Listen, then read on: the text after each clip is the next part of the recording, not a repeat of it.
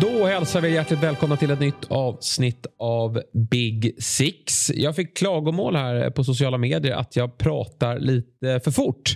Eh, så att jag ska sansa mig här. Men det är ju så roligt att prata eh, Premier League-fotboll. Eh, så därför blir jag lite exalterad ibland Fabbe. Jag, jag brukar ju faktiskt göra så här att jag när jag lyssnar igenom vår podcast som jag faktiskt gör av utbildningssyfte och eh, för att uppdatera mig så brukar jag lyssna på 1,5 gånger hastigheten. Och fan jag, jag tycker att du låter okej okay, 1,5 så jag tycker, jag tycker att det är en lättkränkt människa det här som gnäller på, ja. på hastigheten på hur fort vi pratar. Nej, men då får man ju eh, skruva ner mig då till, till 0,8. Det går ju faktiskt att, att dra åt andra hållet. Jag brukar också lyssna på poddar eh, just i en och en halv och tycka att det funkar bra. Men ja, någonstans så, så um, kan jag nog ändå köpa vad han säger. För jag vet att jag ibland att det går lite undan. Men jag ska, jag ska försöka tänka på det. Du Fabbe, det blev ett eh, tisdagsavsnitt den här veckan. Dels för att ja, men ibland spelar vi in söndagkvällar. Men då spelade ju Everton mot Manchester United. Och sen under måndagen så hade jag lite späckat schema eh, och, och, sen så var det ju måndagsfight också i form av um, Nottingham Forest mot Aston Villa. Så vi, det fick bli tisdag idag och då får vi med oss hela omgången.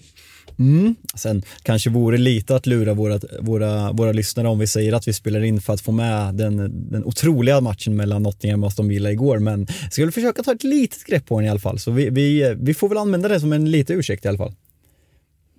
Ja, ja, men precis. Jag tycker vi ska ta lite kring den matchen. För det har hänt lite också i, i Nottingham Forest sedan vi pratades vid. Och det, det blev ju en, eh, ett utfall som vi kanske inte alls hade eh, trott. Men, men mer om det alldeles strax. Eh, lite i nyhetsväg eh, så får vi börja med den oerhört tråkiga nyheten då att Brightons centrala mittfältare Zambien Enok Nwepo eh, har eh, igår då deklarerade han att han eh, tvingas sluta med fotbollen. 24 år gammal då han har diagnostiserats med ett ärftligt hjärtfel. Oerhört tråkigt.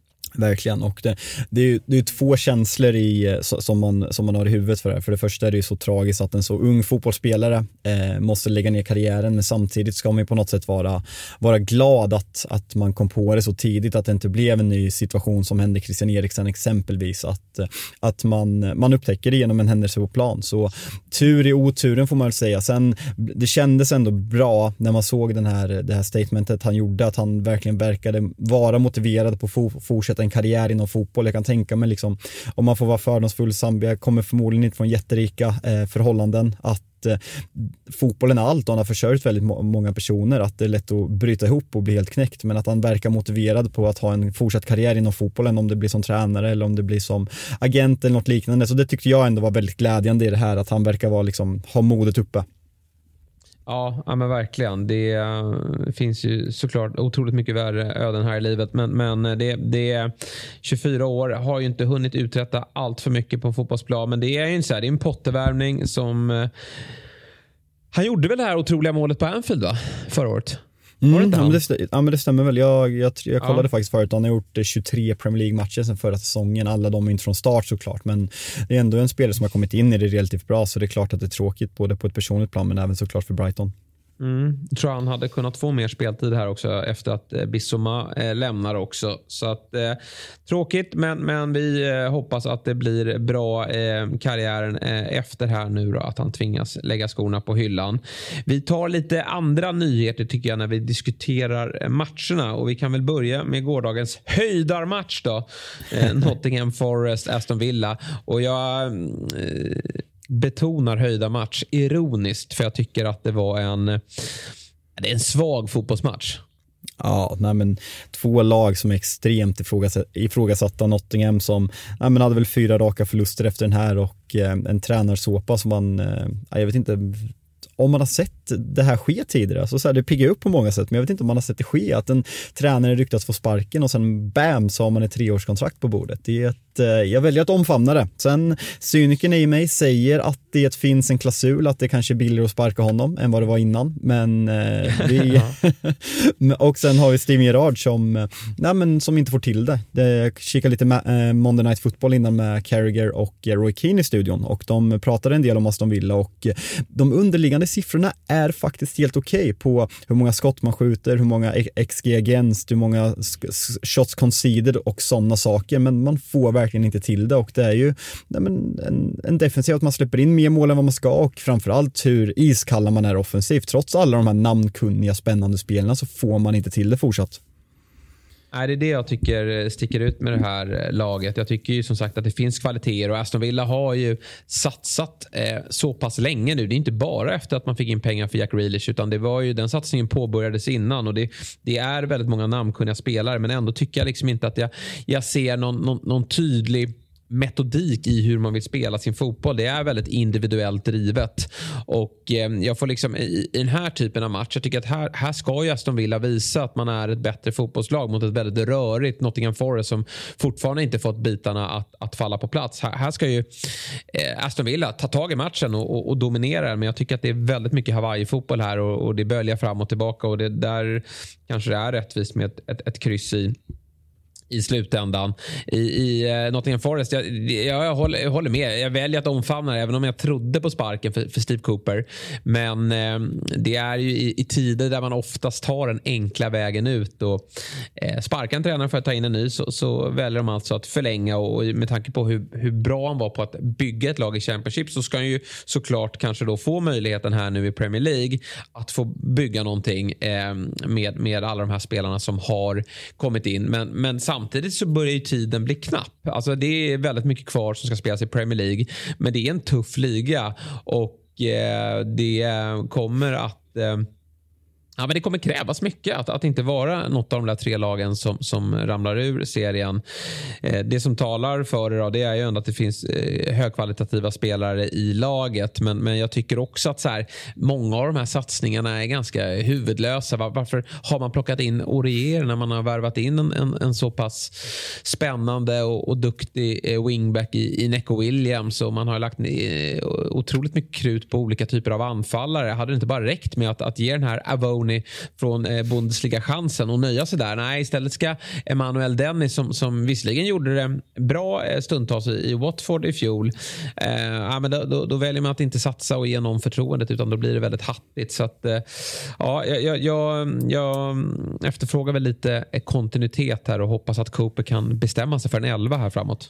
Det som också är lite oroväckande om man får ta ett Nottingham-perspektiv, jag tror både du och jag hade Nottingham ganska tydligt som den bästa nykomlingen när vi tippade tabellen i augusti. Men kollar man på hur tabellen ser ut så de som ligger på nedflyttning tillsammans med Nottingham är Wolverhampton och Leicester och där tror jag väl att vi är rörande överens om att det här kommer, det här är två lag som på pappret ska vara mycket bättre, som inte ska vara inblandade i en bottenstrid. Och kollar man på de andra nykomlingarna som egentligen alla trott ska åka ut så det börjar bli ganska mycket poäng upp för Nottingham och eh, fortsätter de plocka poäng samtidigt som Nottingham inte kommer igång och hittar vilket spel man ska spela och framförallt vilka spelare man ska spela så kan det här bli en jobbig säsong för man ser inte riktigt i botten. Det är Southampton som kanske är det laget som ser minst roliga ut. Framförallt utan min favorit Lavia. Riktigt svaga utan honom, fortsatt. Ja, du, vi ska ta upp det, för där ska du få, få cred. Men, men alltså, vad, vad är det som händer i Bournemouth? Alltså, vi pratade ju inför säsongen om att eh, det har hänt för lite. Alltså till skillnad från Nottingham Forest. Det är så enkelt för oss eh, som, som, som eh, tyckare eh, att, att liksom bli imponerade av Nottingham Forest och deras satsning samtidigt som man då kritiserar Bournemouth för att man inte har eh, rustat tillräckligt mycket. Scott Park gick ut och var kritisk. Sen fick han sparken efter den där tuffa inledningen. Man, man hade ju, eh, alla ryckte ju på ögonbrynen då. Så här, vad, vad, vad gör Bournemouth? Varför sparkar man honom? Man har haft en jättetuff matchinledning. Men jag tror att det hängde mycket ihop med det här att man inte var överens om hur, hur klubben ska drivas framåt snarare än de här här inledande resultaten. Men herregud, Bournemouth är alltså åtta nu i, i Premier League och har ju fått otrolig effekt på det här bytet. Du har ju sagt att de är redan ute. Det, det, det är ändå kul ja, när man ja. det, är ändå kul, det, det, är ändå kul när man kollar tabellen här och ser att Bournemouth ligger alltså före Liverpool, men Bournemouth har minus 12 i målskillnad och Liverpool har plus 8. Så klart lite, lite inspirerad av, vad fan vart det? Vart det, vad fan vart det? 8-0? Vart det? Jag kommer inte ens ihåg. Det är 9-0. 9-0 ja, blev det. 9-0. Det blir alltid eh, 9-0. Det stannar ju alltid där. Just ja, just ja. Det var en viktig att de inte slog Uniteds där. Men eh, som sagt, eh, 20 i, i, skillnad i målskillnad mellan Liverpool och Bournemouth, men, men eh, Bompan är före. Det är, ja, speciellt. Ja, eh, för efter den eh, 0, eller 09 då, eh, borta på Anfield så har man ju faktiskt fem raka matcher utan eh, förlust. Eh, visserligen bara två eh, segrar, men, men en, en, imponerande start eh, för Bompan. Sen är jag ganska övertygad någonstans ändå att man, man eh, kommer att, eh, eller det är klart man kommer falla i tabellen. Det är inte något lag för den övre halvan. Men definitivt så att den här starten som man kanske kan rida vidare på lite ytterligare. Nu har man ju eh, nykomlingsmöte här till, till helgen då mot, mot Fulham. Kan man fortsätta gå starkt här nu en tid då kanske man, eh, ja men då har man lite fallhöjd här eh, när resultaten lite senare går emot.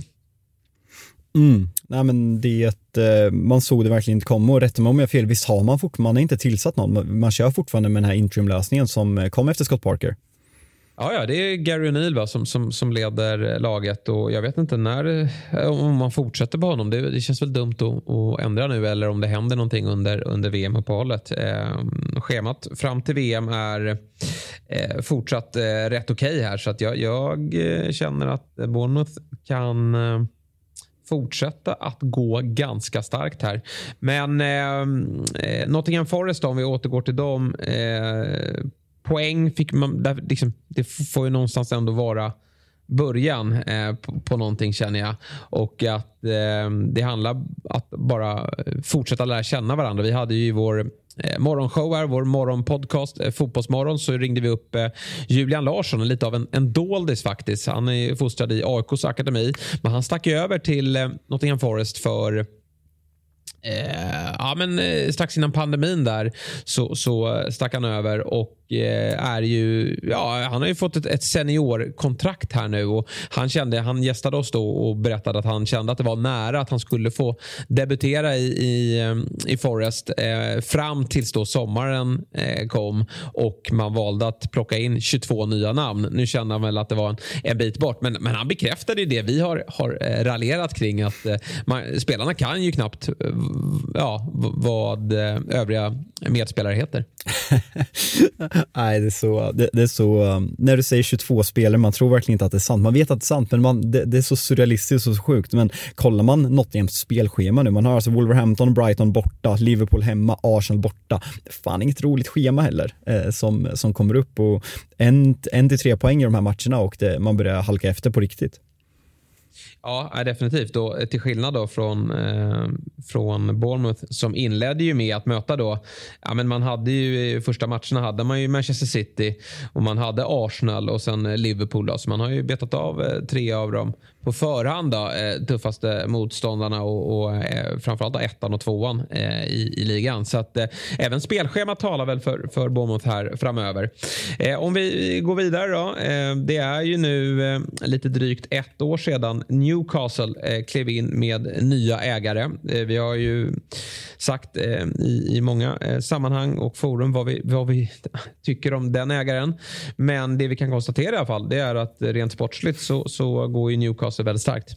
Jag tycker att man måste kunna eh, släppa den här och prata fotboll också när man pratar om Newcastle och eh, vad man har gjort med, med Newcastle. Jag tycker man ska hyllas extremt mycket för tränarrekryteringen. Eh, Eddie Howell på något sätt ganska bortglömd, får inte glömma vad han gjorde med Bournemouth innan han åkte ut. Ryktades till både Spurs och, och Arsenal när, när, när han var som bäst och spelade den fotbollen. Jag tycker att han har visat på väldigt kort tid i Newcastle vad han är för typ av tränare. Sen även agerandet på transferfönstret om vi om vi kommer ihåg andra klubbar hur, hur man spårade ut egentligen. City hade väl sin Robinho-värvning eh, medan Newcastle har värvat smart. Man har värvat Sven Båtman, man har värvat Bruno Gimares som, alltså satan vad bra han är. Satan vad bra han är. Ja. Eh, mm. Och eh, med Kieran Trippier som på något sätt är den brittiska ledaren för att få in lite ledaregenskaper och liksom en engelsk landslagsman. Så det, ja, men helt perfekt agerat och det, det är imponerande att personer som inte har erfarenhet på den här nivån, man, man har rekryterat bra, bland annat från Brighton, men att man, att man agerat så, så smart så tidigt tycker jag är jävligt imponerande av, av Newcastle. Ja, och sen ska man titta på den här elvan. Du, alltså, absolut, Bruno Gimenez, helt fantastisk värvning. Men eh, nu när man har en, en, en del skador också med Maximön borta, eh, Alexander Isak skadad. Alltså från mittfält och framåt här, eh, det, det är ju Longstaff. Han fanns ju där förut. Det är Joe Willock, han har varit där en tid nu. Almiron och Jacob Murphy också. Det, alltså, det är inga, och Callum Wilson är ju bra eh, såklart, men, men det, är inga, det är inga supernamn. Men ändå då, så har man ju eh, Eh, tog man sin andra raka seger, fjärde raka utan förlust och de två senaste matcherna har man gjort eh, nio mål. Mm. Nej, men det, det är som du säger, det är det som är imponerande och som Eddie Howe ska jävla cred över för det, är, det är mångt och mycket samma lag. Det är alltså den här startelvan så är det Trippier, Sven Båtman, Nick Pope och Bruno Gimares. Annars är det ett lag som nej, men, förmodligen hade kunnat åkt ut om man inte hade fått en ny ägare förra säsongen. Så det, det är klart att det är en otrolig uppsving både på ekonomiskt men även på fotbollsplanen hur ser det ut och man ser ju på St. James' Park att eh, de, eh, de tycker att det här är kul igen. Är, man ska inte glömma så här, det är lätt att sitta och sätta sig på den här höga pedestalen utan känslor och säga vad Newcastle-supportrar ska känna men de som vet historien med Mike Ashley, hur, hur, mycket protester det har varit och vart Newcastle har gått från att utmana om Premier League-titlar i mitten av 90-talet med Alan Shearer och Kevin Keegan vid, vid sidan tills, tills vart man var under Mike Ashley. Det är klart att det är kul att hålla på Newcastle igen. Ja, det verkar onekligen så. Eh, kittlande möte då till helgen. Eh, Manchester United femte plats tar emot då Newcastle United eh, på sjätte plats. Jag eh, tror väl att liksom det är här, lite favoritskap just nu på Newcastle. Inte i den matchen utan att kanske bli best of the rest. Då. Eh, just nu då parkerar man på sjätte plats och det är klart att det hade varit en eh, otrolig bedrift om Newcastle i slutändan skulle till och med slå sig in på Europaplatsen. Nu, nu, och det finns ju, alltså, det pratas fortfarande om att eh, Madison ska ansluta i januari. Eh, Thielemans har också ryktats eh, lite grann om och sen framförallt att man ska få tillbaka Maximan. Eh, för det, det, är ju ett klart steg upp i, i eh, om, man, om man går från Murphy till honom. Och dessutom då givetvis vår, vår eh, Alexander Isak som eh, förhoppningsvis snart är tillbaka. så att det, det finns ju potential att förbättra det här ytterligare. Ja, och så länge, när, Almiron, när Almiron gör tre mål på två matcher då vet man att det, det är ett lag i, i, medgång. Så eh, ja, nej men eh, de har ju typ blivit en dark horse att utmana om Champions League, eller inte Champions League-platserna men Europaplatserna som, som du säger, stor favorit i best of the rest och fortsätter. Nej men United är fortfarande mycket frågetecken, Liverpool jättemycket frågetecken. Jag tror såklart inte Newcastle över 38 omgångar kommer sluta före men fortsätter man så här så kan man absolut bli en dark horse, horse i det här eh, racet. Mm. Annars då, under lördagen så var ju Manchester City igång och man mötte man mötte krisande, för det får vi faktiskt säga. Southampton har ju spekulerat lite kring eh, tränare Hasenhüttel här, vad som händer med honom. Och eh, ja, Det blev inga 9-0 den här gången, men det stannade på 4-0. Jag måste säga så här att jag tycker det var, alltså Southampton var bedrövliga. Jag tycker att City var ganska slarviga i den här matchen. Mm, nej men känslan är ju verkligen att det här är en, en, en dålig dag på jobbet på, för Manchester City ja. och man är, man är helt fullständigt, helt fullständigt överlägsna. Man vinner skotten, jag tror det är så här närmre 23-2 eller någonting. Eh, Håland gör bara ett mål, har en, en, en innerstolpen, men annars alltså det, det, här säger ju någonting om hur bra Manchester City är till att börja med, men kanske även att eh, vi har ju sett det här i Southampton i Hasselhüttel, det är det som är så svårt tidigare, att han kommer in de här perioderna när han inte vinner en match på sex matcher för att sen gå på en run och vara obesegrad i sju, så men känslan är fan, det är ett ihåligt lag och många var ifrågasättande hur, lag, hur lagbygget såg ut i början av säsongen, sen smetades det över med bra insatser mot topplag, så eh, det fanns svårt att veta vart man har Southampton om man på riktigt ska börja prata om dem som en nedflyttningskandidat.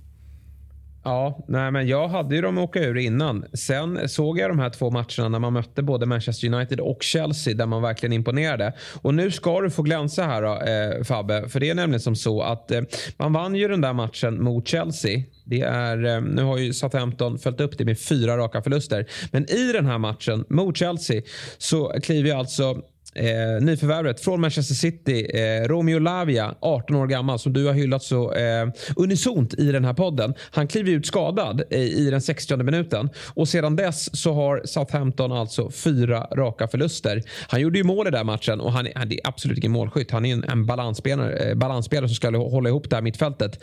Men uppenbarligen svinviktig för Southampton.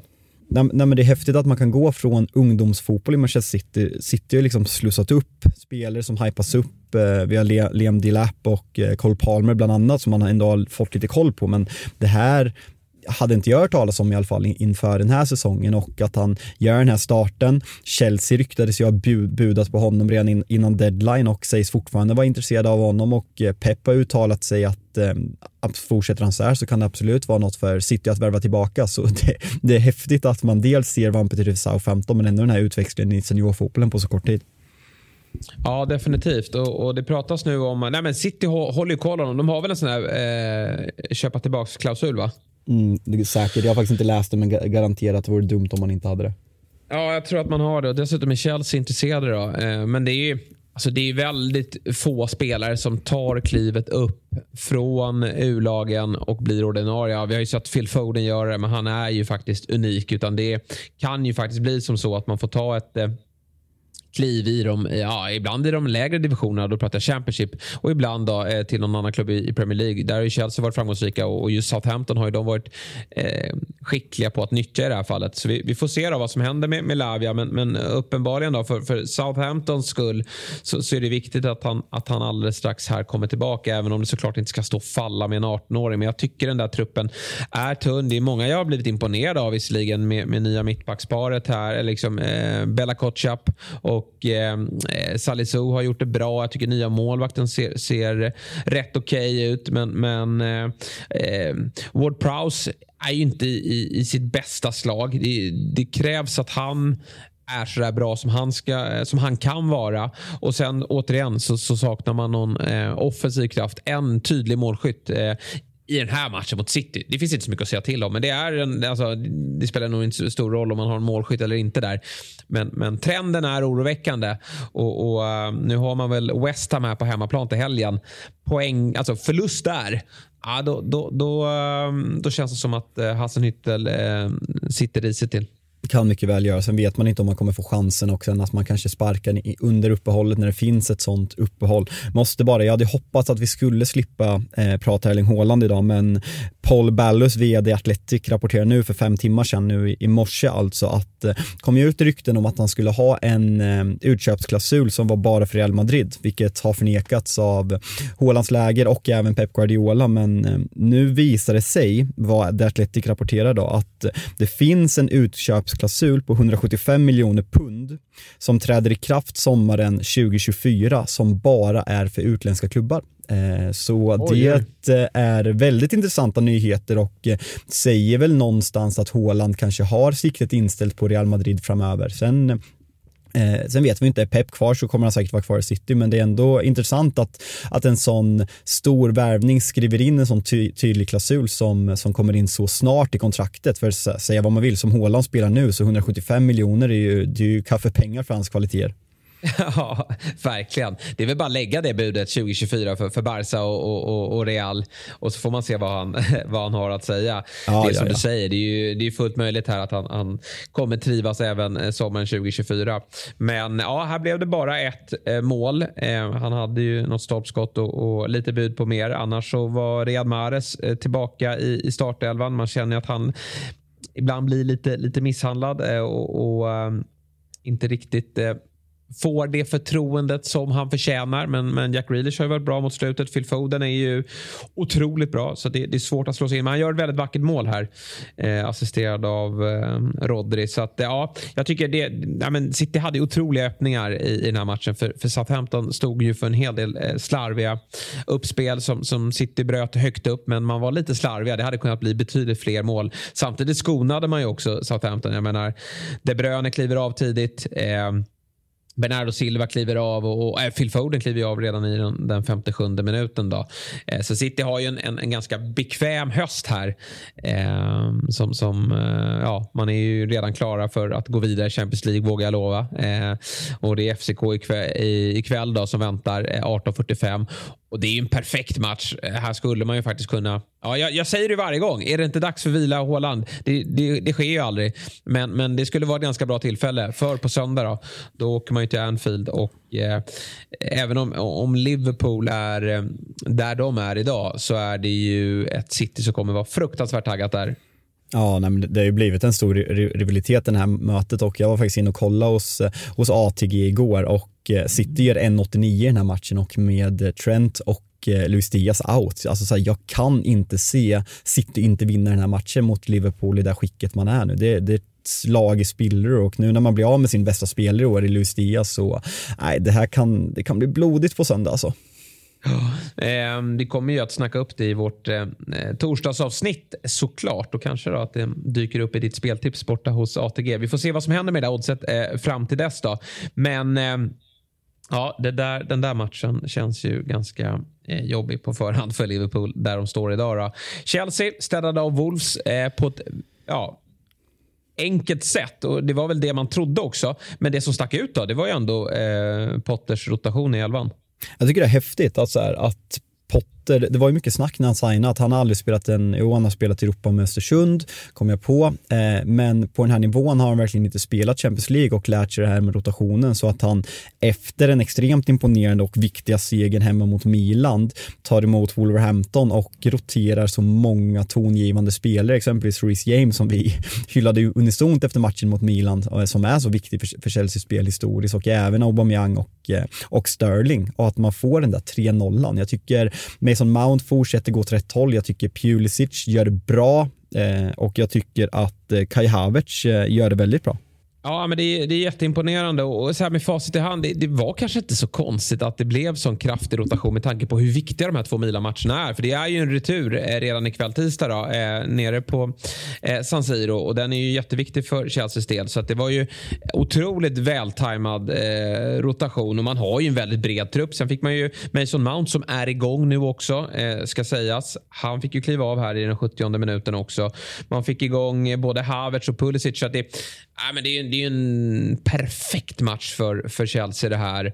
Att vinna utan att eh, förta sig och att man eh, ja, bygger vidare på en, på en eh, segerstreak här. Eh, men match, kvällens match mot Milan är ju otroligt viktig. Får vi se av vilka som eh, får chansen eh, från start då. Motståndarna Wolves då, eh, går fortsatt väldigt jobbigt. Det här är ett lag som kommer att eh, slåss i de nedre regionerna vågar jag lova. Får vi se vem som...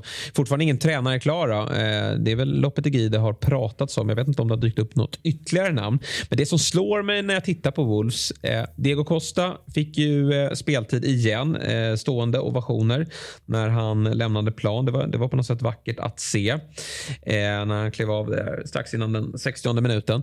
Men det som slår mig när jag tittar på Wolves. Och det här skulle man egentligen vilja ringa upp en, en Wolves-supporter E- egentligen någon på plats. Eh, med all respekt för alla supportrar här hemma. Men, men det, jag tror att det är någonstans eh, kanske är viktigare för dem som, som, som följer eh, laget vecka ut och vecka in. Det, där får väl du säga emot mig då. Men det är när man tittar på Wolves trupp.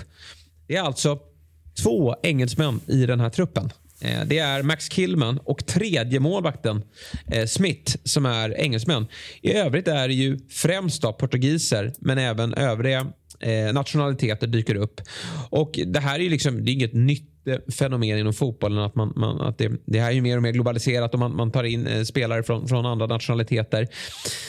Men någon form av, är, är jag mm, förlegad här i mina tankar, eh, men, men någon form av grundstomme som, som bygger på, på engelsmän måste det väl finnas med. Och hur, hur eh, kommer man undan reglerna här? Eh, jag, jag, jag, vet faktiskt inte, för vi pratade om det innan, att det måste vara nej men en, en kvot av egna produkter. Det ska vara dels eng, engelska produkter, men även egna produkter från egna ledet som är tränade. Eh, man ska väl ha tränat eh, tre år mellan 15 och 21 eller dylikt för att kvalificera sig där. Och i början när Wolf startar det här projektet och man gör en väldigt bra säsong som nykomling så tror jag att man är så fokuserad på att etablera sig i Premier League igen efter några år i Championship. Men det är som du säger, jag som supporter till Manchester United, jag, jag tar ju en enorm stolthet att vi, vi har haft en egen produkt i varje matchtrupp sedan 1958 och jag vet du som aik hur mycket aik stoltserar över nej, men, historien av egna produkter från den blåa linjen och så vidare och sånt. Det är väldigt viktigt för att få en relation till sin fotbollsförening. Så som du säger, det skulle vara väldigt kul. Känner någon, någon Wolverhampton-supporter från, som bor borta i England som skulle vara sugen på ett eh, Skype-samtal får ni, får ni kontakta oss på, på Twitter. För det, det skulle faktiskt vara kul, för det är som vi har ju ifrågasatt eh, utlåningen av Connor Cody som uppenbarligen kan spela en fyrbackslinje i Everton. Jag tycker han visar det väldigt bra och han är ju verkligen en, ja, men en spelare som man, eh, en klassisk brittisk spelare som man kan relatera och få en relation till som ledare på plan och det känns verkligen som att det saknas. För ser man spelare för spelare så är det fortfarande ett väldigt bra lag men man kanske saknar karaktärer och eh, karaktärer ger en band mellan, mellan lag och supportrar. Så det, det börjar absolut att man, jag gillar, jag gillar ämnet du tar upp. Ja, men alltså så här, det är ju lätt när det går bra för ett lag. Alltså då, då, då mm, är det inte så ofta man, man kritiserar trupp, ehm, eh, truppen och, och, hur den ser ut. Men, men nu när Wolves faktiskt upplever en ganska kämpig tid. Eh, det har ju varit en, en pigg nykomling ända sedan de dök upp då i, i eh, Premier League här. Men nu eh, är man ju under strecket. Man har sparkat sin tränare och Eh, de här nyförvärven som man gör, oftast då eh, via Jorge Mendes, eh, superagenten, de slår ju inte lika väl ut som de kanske gjorde under, under ja, men sista året i Championship och, och första året i, i, Premier League. Så att ja, Wolves-supportrarna är nog inte helt nöjda med hur det ser ut. Och, och, Det känns som att man behöver lösa den här tränarfrågan ganska snart. För nu, nu känns det lite som att det är, det är fritt fall man måste ju verkligen få in en målskytt också. Om, om det är Algemene som ska göra det eller om det är, Diego Costa kommer inte göra det, men om, det, det är det som är med den här korsbandsskadan på nyförvärvet som blev så kostsamt för man måste lära sig att göra mål för man vet man är ramstarka defensivt, man har inte släppt in överdrivet mycket mål i år heller, men eh, det måste börja göras mål för slutet av sista eh, av förra säsongen var också ruggigt deppigt där man inte alls vann många matcher. Nej, det är kämpigt för Wolves. Ska jag bara säga det innan vi går vidare, när vi var inne lite på Chelsea. Vi eh, pratade lite och vi ifrågasatte när vi pratade med Frida vad vägen var med en Kuku och eh, att man ska värva Guardiol och, och så vidare. Nu har man ju alltså gjort klart med en um, technical director eh, från mm. eh, RB Leipzig som heter Christopher Vivell. Så det känns som att man har ett steg på vägen där. Man letar fortfarande efter en sporting director. Eh, så det känns som att Todd Bowley börjar sätta ihop ett team där. Sen folks, folk börjar skriva om det här är varför vi ska värva Guardiol och en Kuku. Liksom så här, de, det här vart klart för två veckor sedan och de Chelsea budar på Guardiol i, i somras och en Kuku ska, ska ha varit klar för flera veckor sedan. Så det där, det där är ju kvalificerat bullshit. Men ett steg i rätt riktning för att sätta teamet borta på Stamford Bridge i alla fall. Ja, absolut. Det går åt rätt håll, inte bara på planen utan även eh, uppe, i, eh, uppe på kontoret. Eh, och det, det behöver ju Chelsea, även om man då fortsätter att värva när man inte har allting klart. Big Six görs i samarbete med ATG.se och eh, vi har såklart ett speltips från Fabbe inför veckans Champions League. Låt höra. Ja, nej men eh, nya tag efter förra helgen. Vi, vi körde ju en specialare där jag satte Martinelli målskytt redan efter en minut och Eh, känns som ett eh, vinnande koncept att spela på vänsteryttern som möter Trent. Men Champions League-omgång helt enkelt och eh, kommer fortsätta på succén från förra veckan att hitta engelska lag som spelar hemma och eh, den här veckan spelar vi alltså Tottenham, vinna och hålla nollan mot Eintracht Frankfurt. Tottenham måste vinna den här matchen och det, det har sett bättre ut defensivt. Man, man höll nollan senast mot Brighton och eh, Frankfurt har svårt att göra mål för tillfället. 0-0 på bortamatchen för en vecka sedan. Så ja, 2,60 erbjuder ATG för det här spelet. Och glöm inte då att eh, för att få spela så behöver du vara minst 18 år gammal och upplever du problem med spelande så finns stödlinjen.se till hands. Och det här spelet finns precis som vanligt på dob.one big six. Spurs tog en eh, riktigt viktig seger. Då. Går ju kämpigt i Champions League. En tuff vecka bakom sig då, med, med eh, torsken i derbyt och sen då bara eh, kryss då, borta mot Eintracht Frankfurt. Det blir ju en viktig retur här nu i, i veckan. Men starkt av dem ändå att, att äh, åka till äh, Amex Stadium är det va? Ja, det heter den va? Ja, det gör den. Mm. Eh, mot eh, anfallsglada Brighton och jag tycker att de är eh, offensiva här och, och, har Spurs stundtals i brygga men, men eh, lite Potter-bekymmer kvar. Då. Man, man lyckas inte riktigt ta tillvara på chanserna man skapar.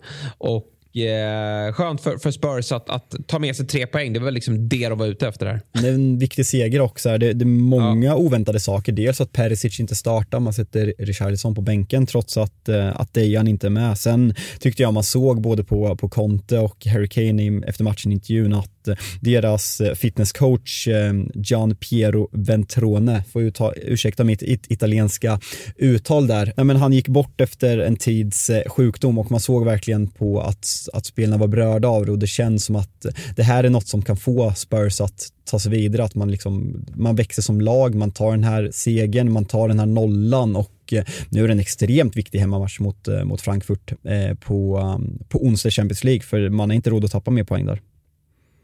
Nej, eh, Harry Kane fortsätter att leverera. Han gick ut på Instagram efteråt, eller ja, flera sociala kanaler kanske, men jag såg det på Instagram och, och sa ju att det har ju verkligen varit tuffa dagar. Eh, eller tuff dag, det, det, här skedde väl typ eh, natten torsdag till fredag tror jag som, som han, eh, fystränaren gick bort då. Eh, men, men att det har varit kämpigt, men att de har tagit sig samman. Eh, otroligt skön seger för dem och att det är väldigt stort fokus här nu då, för att man får ju inte slarva bort möjligheten att eh, Eh, gå vidare från den här gruppen som är ganska tacksam. Eh, så att, eh, jätteviktigt att, att vinna här nu mot... Nu har man ju två hemmamatcher då, av de här tre återstående fighterna och det ska ju Spurs lösa. Men, men som du säger, då, nu gick man in på det här ett lite mer... Och det tror jag att, det var inte så konstigt då, med tanke på hur bra Brighton har varit. Att man kanske Eh, ja, man, man offrade en offensiv spelare och fick in då tidigare Brighton-spelaren Bissoma i laget som många har eh, ryckt på eh, ögonbrynen för att han inte har fått mer speltid. Men lite mer defensivt inriktat Spurs och eh, det, det märktes i matchen. Bright, eh, Spurs eh, ja, får ju försvara sig en, de, en hel del här och när man lyckas få in 1-0 då via Hurricane, ja, då, då stänger man igen butiken eh, på ett eh, eh, furbomaner som det heter borta i Italien. Och, och sen så uh, kliver man därifrån som vinnare och det, det var ju det man var ute efter. Han är ändå rolig Conte. Dels eh, hans eh, lite ifrågasättande, Frida pratade om det kanske var lite språk, eh, kommunikationsbrister med, med, med, språket där, men hans eh, ändå ifrågasättande sågning av Docherty och sen direkt in från start, för, första starten för i år och eh, många har ifrågasatt kanske att man, man har ingen kontroll över mittfältet, man har svårt att föra matcher. Vad gör han då? Nej, men han sätter in en till destruktiv offensiv mittfältare på mitten och eh, låter Brighton ännu mer bollinnehav. Så eh, nej, Conte skiter i, men så länge han tar, tar tre poängerna så, eh, så kommer ingen ifrågasätta det där. Nej, precis. Eh, väntar vi på den liksom spelmässiga fullträffen. Men eh, man, man hänger helt klart med i, i både liga och man är ju såklart med i Champions League. Då, men, men där behöver man en, en vinst imorgon då mot Eintracht Frankfurt. Nu tar vi oss till den stora fighten under söndagen. Eh, som, som de har längtat. Ja, verkligen. Men vi har ju gått och suktat efter den här matchen också. Eh, just för att lite se var Arsenal står. Eh, det är en sak att vinna North London Derby. Eller en sak, det är ju, det är ju svinbra. Men, men det har man ju gjort tidigare. Men nu var det Liverpool som var på besök. och eh, eh ja, efter slutsignal då, så konstaterar vi att Arsenal eh, vinner med 3-2 och är nu alltså 14 poäng före Liverpool. Jag ser det som en omöjlighet att Liverpool tar ikapp det.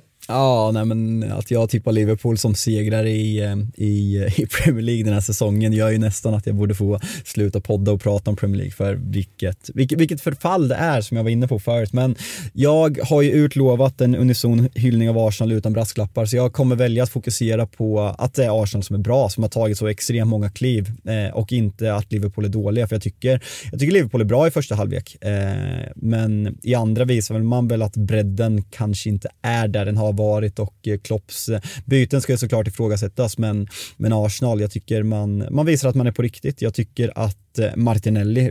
Det här är väl hans internationella genombrott för mig i den här matchen. Han... Ja, det är Klopps favoritspelare. Ja, exakt. Det har ju varit, alltså Klopp har ju hyllat honom. I, ja, det kanske är genombrottsåret i år eller om det var i fjol. Han var ju väldigt bra i fjol också, men i år har han tagit ytterligare steg. Men, men Klopp var ju tidigt på bollen där och, och, och har hyllat honom. Mm, nej, men det, var, det var lite det. Han kom upp förra året. Han var inte helt ordinarie. Det var ju han och Smith Rowe som varierade om att spel, spela den där rollen. Men eh, det är i år poängproduktionen har kommit och här, alltså så här, första målet, den löpningen, andra målet när han, när han skär in och lurar arslet av Trent och, eh, eller om det är Gomes som har tipp, jag vet inte om Trent redan är utbytt. Nej, det är Trent är på plan va? Eh, mm. Och eh, eh Trent och Henderson är det.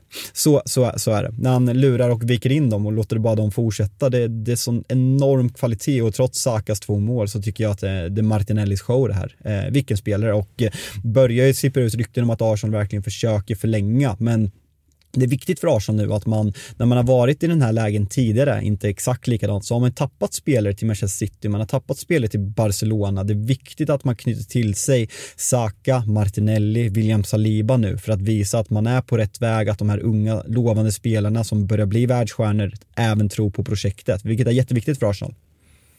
Ja, definitivt. Jag har ju alltid pekat ut Saka som Citys nästa värvning någonstans. Men, men vi får se här vad, vad, eh, vad det blir av honom. Jag tror absolut att han är lockad att, att, att fortsätta den här resan med Arsenal. För det, det, är något eh, stort på gång och det är en perfekt sammansatt offensiv som man har just nu med Jesus längst fram. Som, som, eh, ja, han, han, han hotar mot mål, han löper och han assisterar framåt.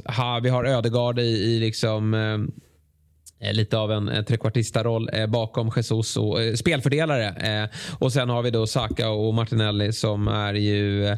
Ja, Saka började ju säsongen lite trögt kanske, i alla fall poängmässigt. Men nu är han igång och jag tycker att det är häftigt att han kliver fram också vid det här 2-2 läget och slår den här straffen. Det har inte varit självklart vem som slår Arsenals straffar genom eh, eh, åren här nu och, och, man har pratat om att det är den som har känslan att slå straffen som ska göra det. Till och med att man har pratat om den som, som orsakar den, ska, ska, eller den som blir fälld ska, ska ta straffen. Men vi vet ju historiken här. Eh, det var ju en betydligt större match ska sägas. Det var en EM-final. Men den bränner han. Och eh, jag vet inte om du har sett det klippet som eh, vi kanske får lägga ut det från vårt eh, Twitterkonto med eh, Peter Drury, eh, kommentatorn. Har du lyssnat på det? Nej, faktiskt inte.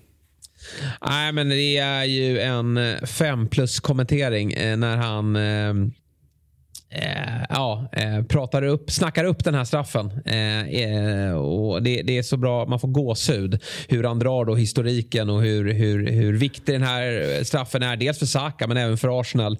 Och ja, sen följer han upp det efteråt när, när bollen är i mål på också ett eh, makalöst eh, läckert sätt. Så att, eh, det, det, även om man inte håller på Arsenal så, så tror jag att man kan tycka att det där är ganska mäktigt. För det, det är ju starkt av Saka.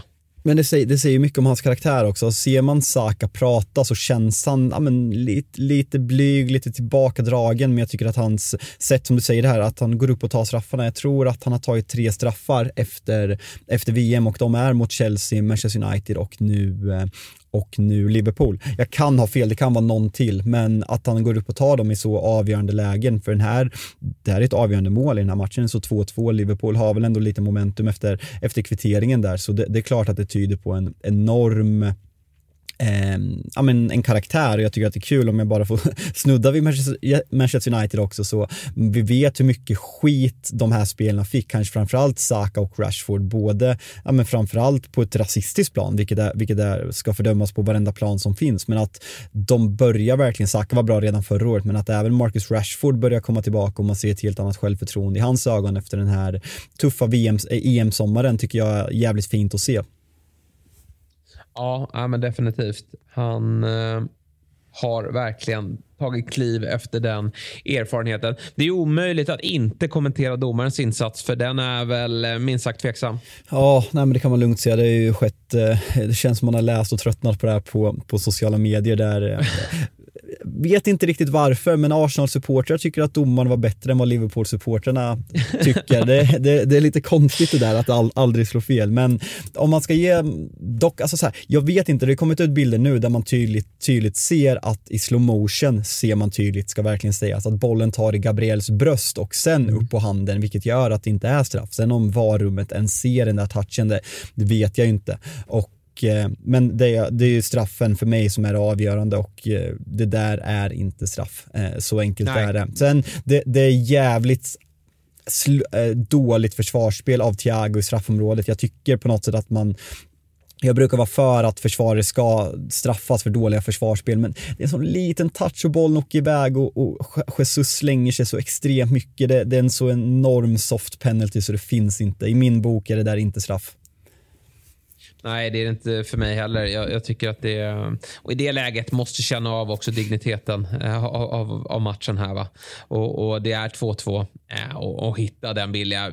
Man ska ju bli, man ska bli skjuten i straffområdet. Någon ska ta upp en pistol egentligen för att man ska få en straff emot sig vid 2-2, tycker jag. Äh, det, det, är en så pass viktig match. Och att då ta den billiga straffen, jag, jag köper inte det. Men det, men det, är, men, men det, men det är så här också att vi, vi, Arsenal är verkligen ett lag i, i medgång. Och och eh, kollar man på den här, den här straffen som många tycker inte är straff, sen har vi röda kortet senast i North London Derby. Vi, jag vill bara säga, jag tror man hade vunnit ändå, men Spurs är livsfarliga i kontringarna och 2-1 där med 11 mot 11 sista, sista 25 så hade det varit en helt annan match. Men ett lag i medgång har de här marginaldomsluten och Arsenal är, ja men, ja, men det laget med mest medgång i hela Premier League just nu. City hade vi väntat oss där om, men Arsenal är verkligen, nej men, ansiktet utåt för ett lag i medgång, ett ungt lag med medgång som även har domslutet med sig.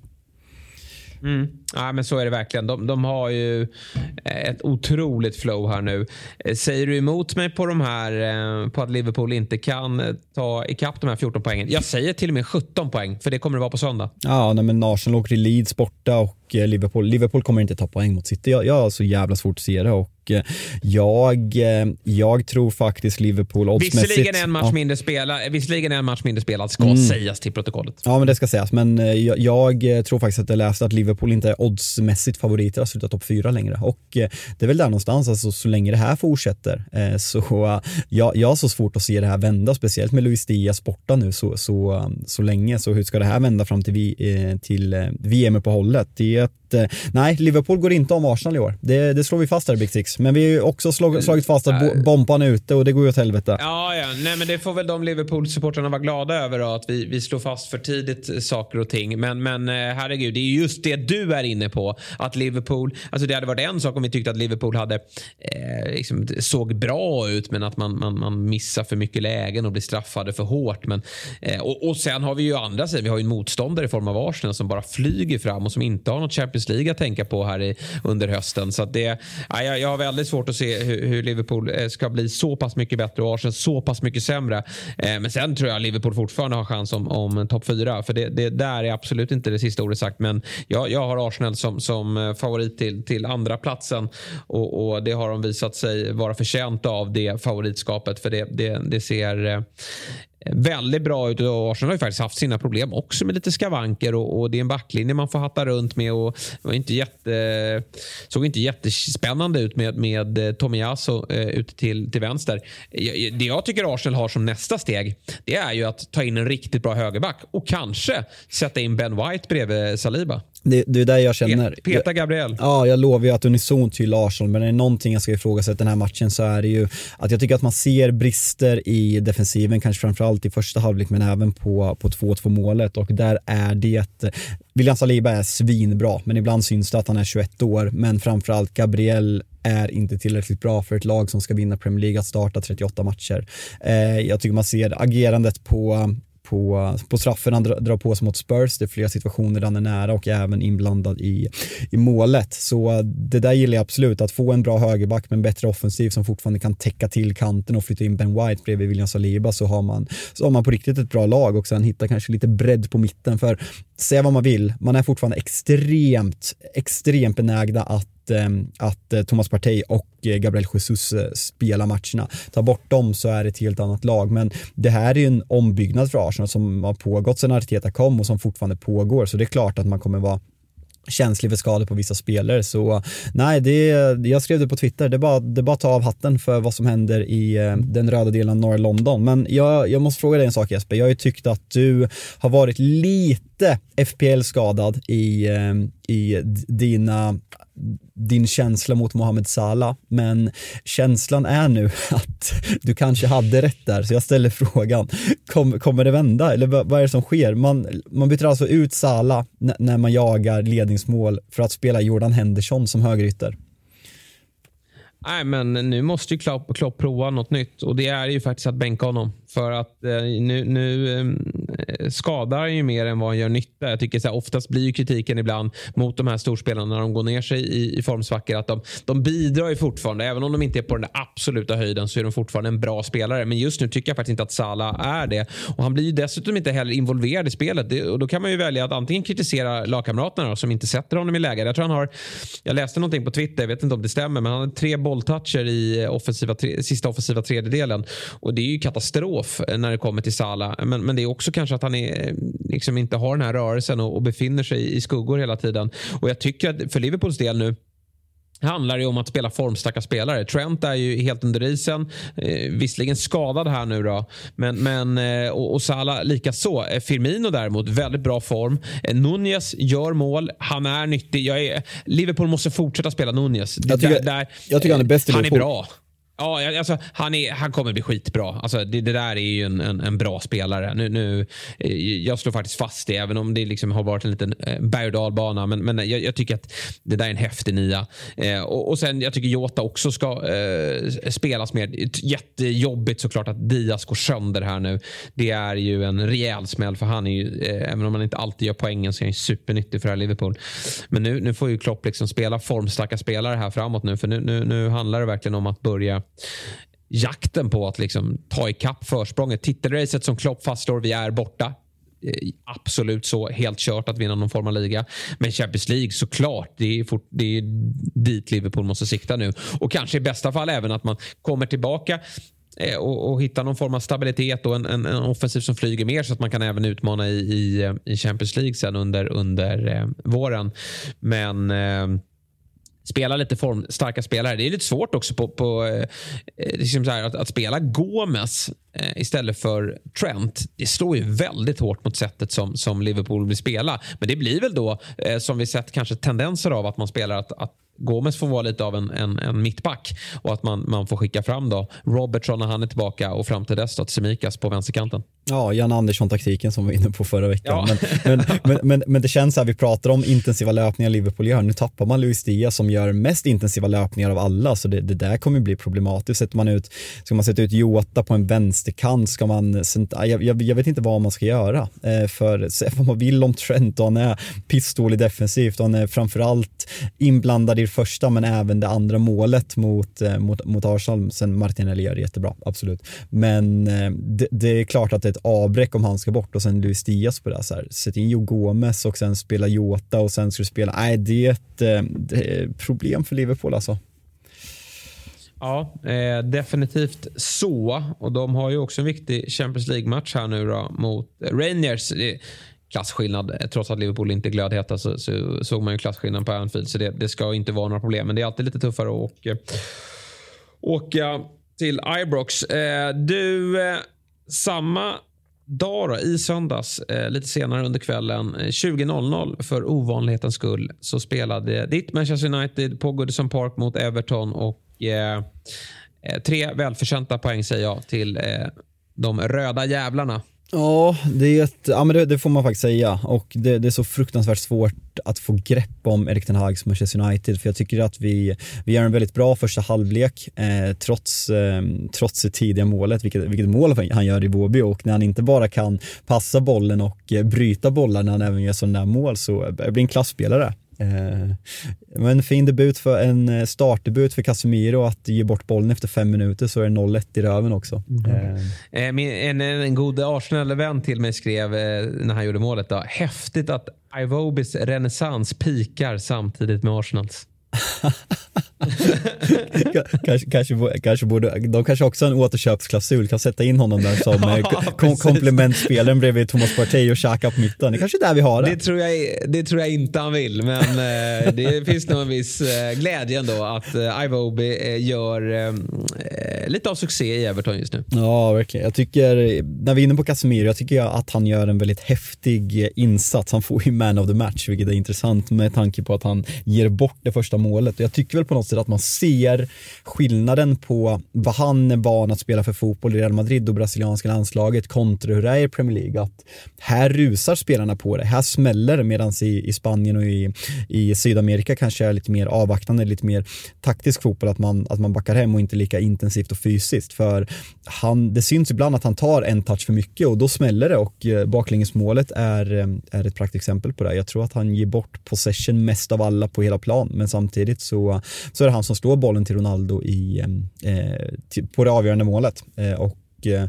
nej men, första halvlek, vi, vi, ska göra mer mål. Jag tycker att eh, nej men, det är en relativt bra match av United, men fortfarande, fan man ser inte så mycket linjer i spel som jag hade velat se under Ten Hag efter så här lång tid ändå. Nej, kanske inte jag heller. Men eh, jag tycker det var ju en klassaktion på, från Casemiro då, vid, vid eh, 2-1 målet. Viktigt att få igång Ronaldo. Anthony som, som eh, trots att han har levererat ändå blivit lite ifrågasatt. Men så blir det när man, man kommer med en stor prislapp på sig. Men eh, ja, spelmässigt så tycker jag också att det, det finns mer att, att eh, Borde det finnas mer att hämta från detta United? Everton gör ju en ganska... Alltså när man får den starten, eh, det är en blek insats. Jag tycker så här, när man har Manchester United som, som ingen vet vad man har, att man är så passiva i, i sin, i sin gameplan. Eller, jag vet inte om gameplanen löd så från Lampards sida, men, men jag tycker Niva sammanfattade det bra. Att Everton spelar ju i, i studion efteråt. Everton spelar ju en bortamatch på Goodison. Man, man, så där ser man ut om man åker till Old Trafford kanske och, och, lämnar över initiativet vid ett ledningsmål. Men Everton ska ju vara eh, aggressiva. Så där aggressiva som man var i, i derbyt mot Liverpool tycker jag.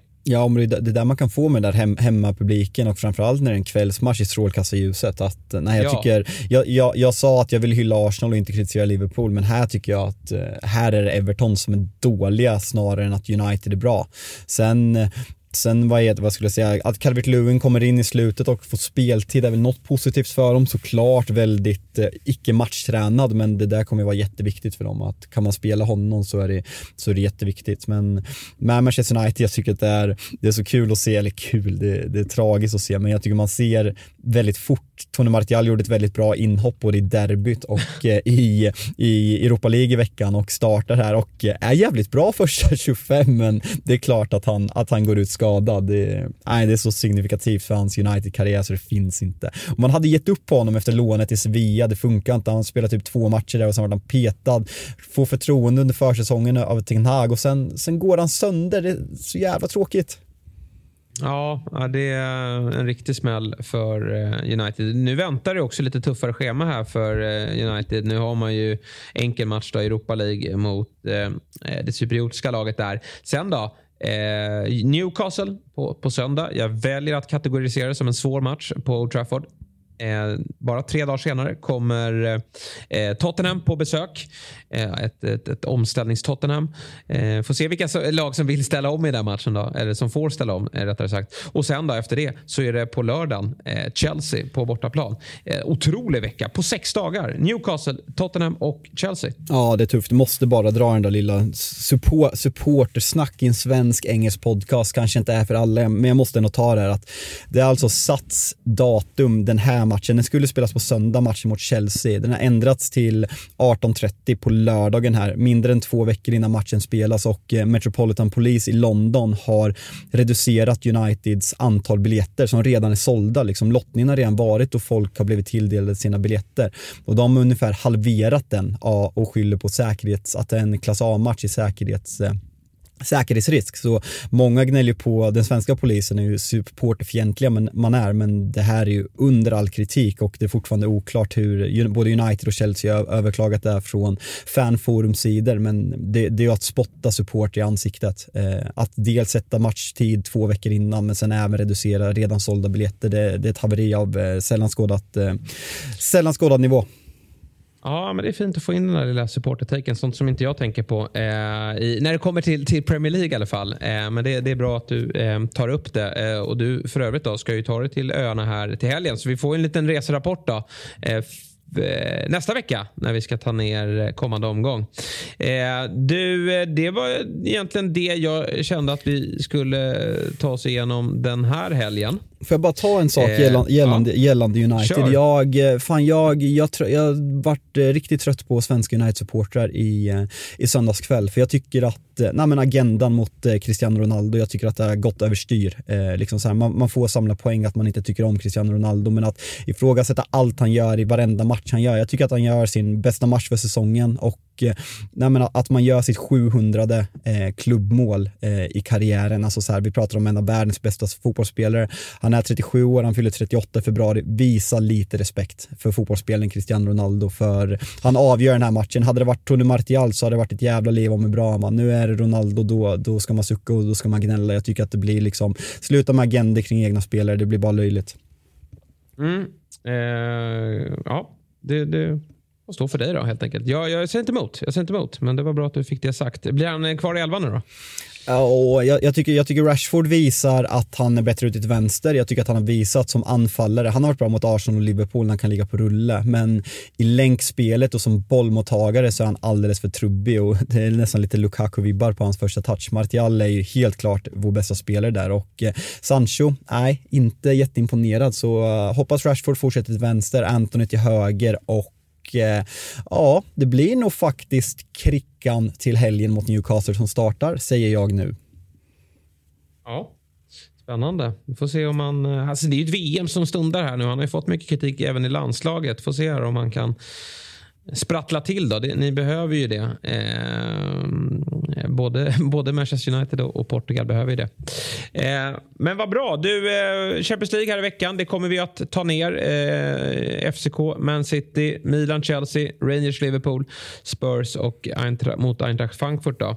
Eh, så att vi eh, eh, säger väl som så, Fabbe, att vi, vi hörs på torsdag och ska vi givetvis då snacka upp stormatchen på Anfield där du kommer vara på plats.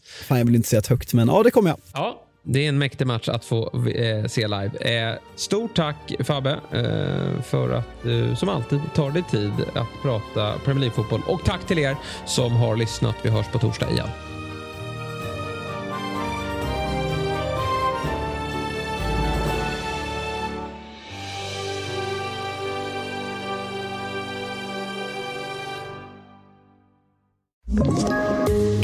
Poddtips från Podplay.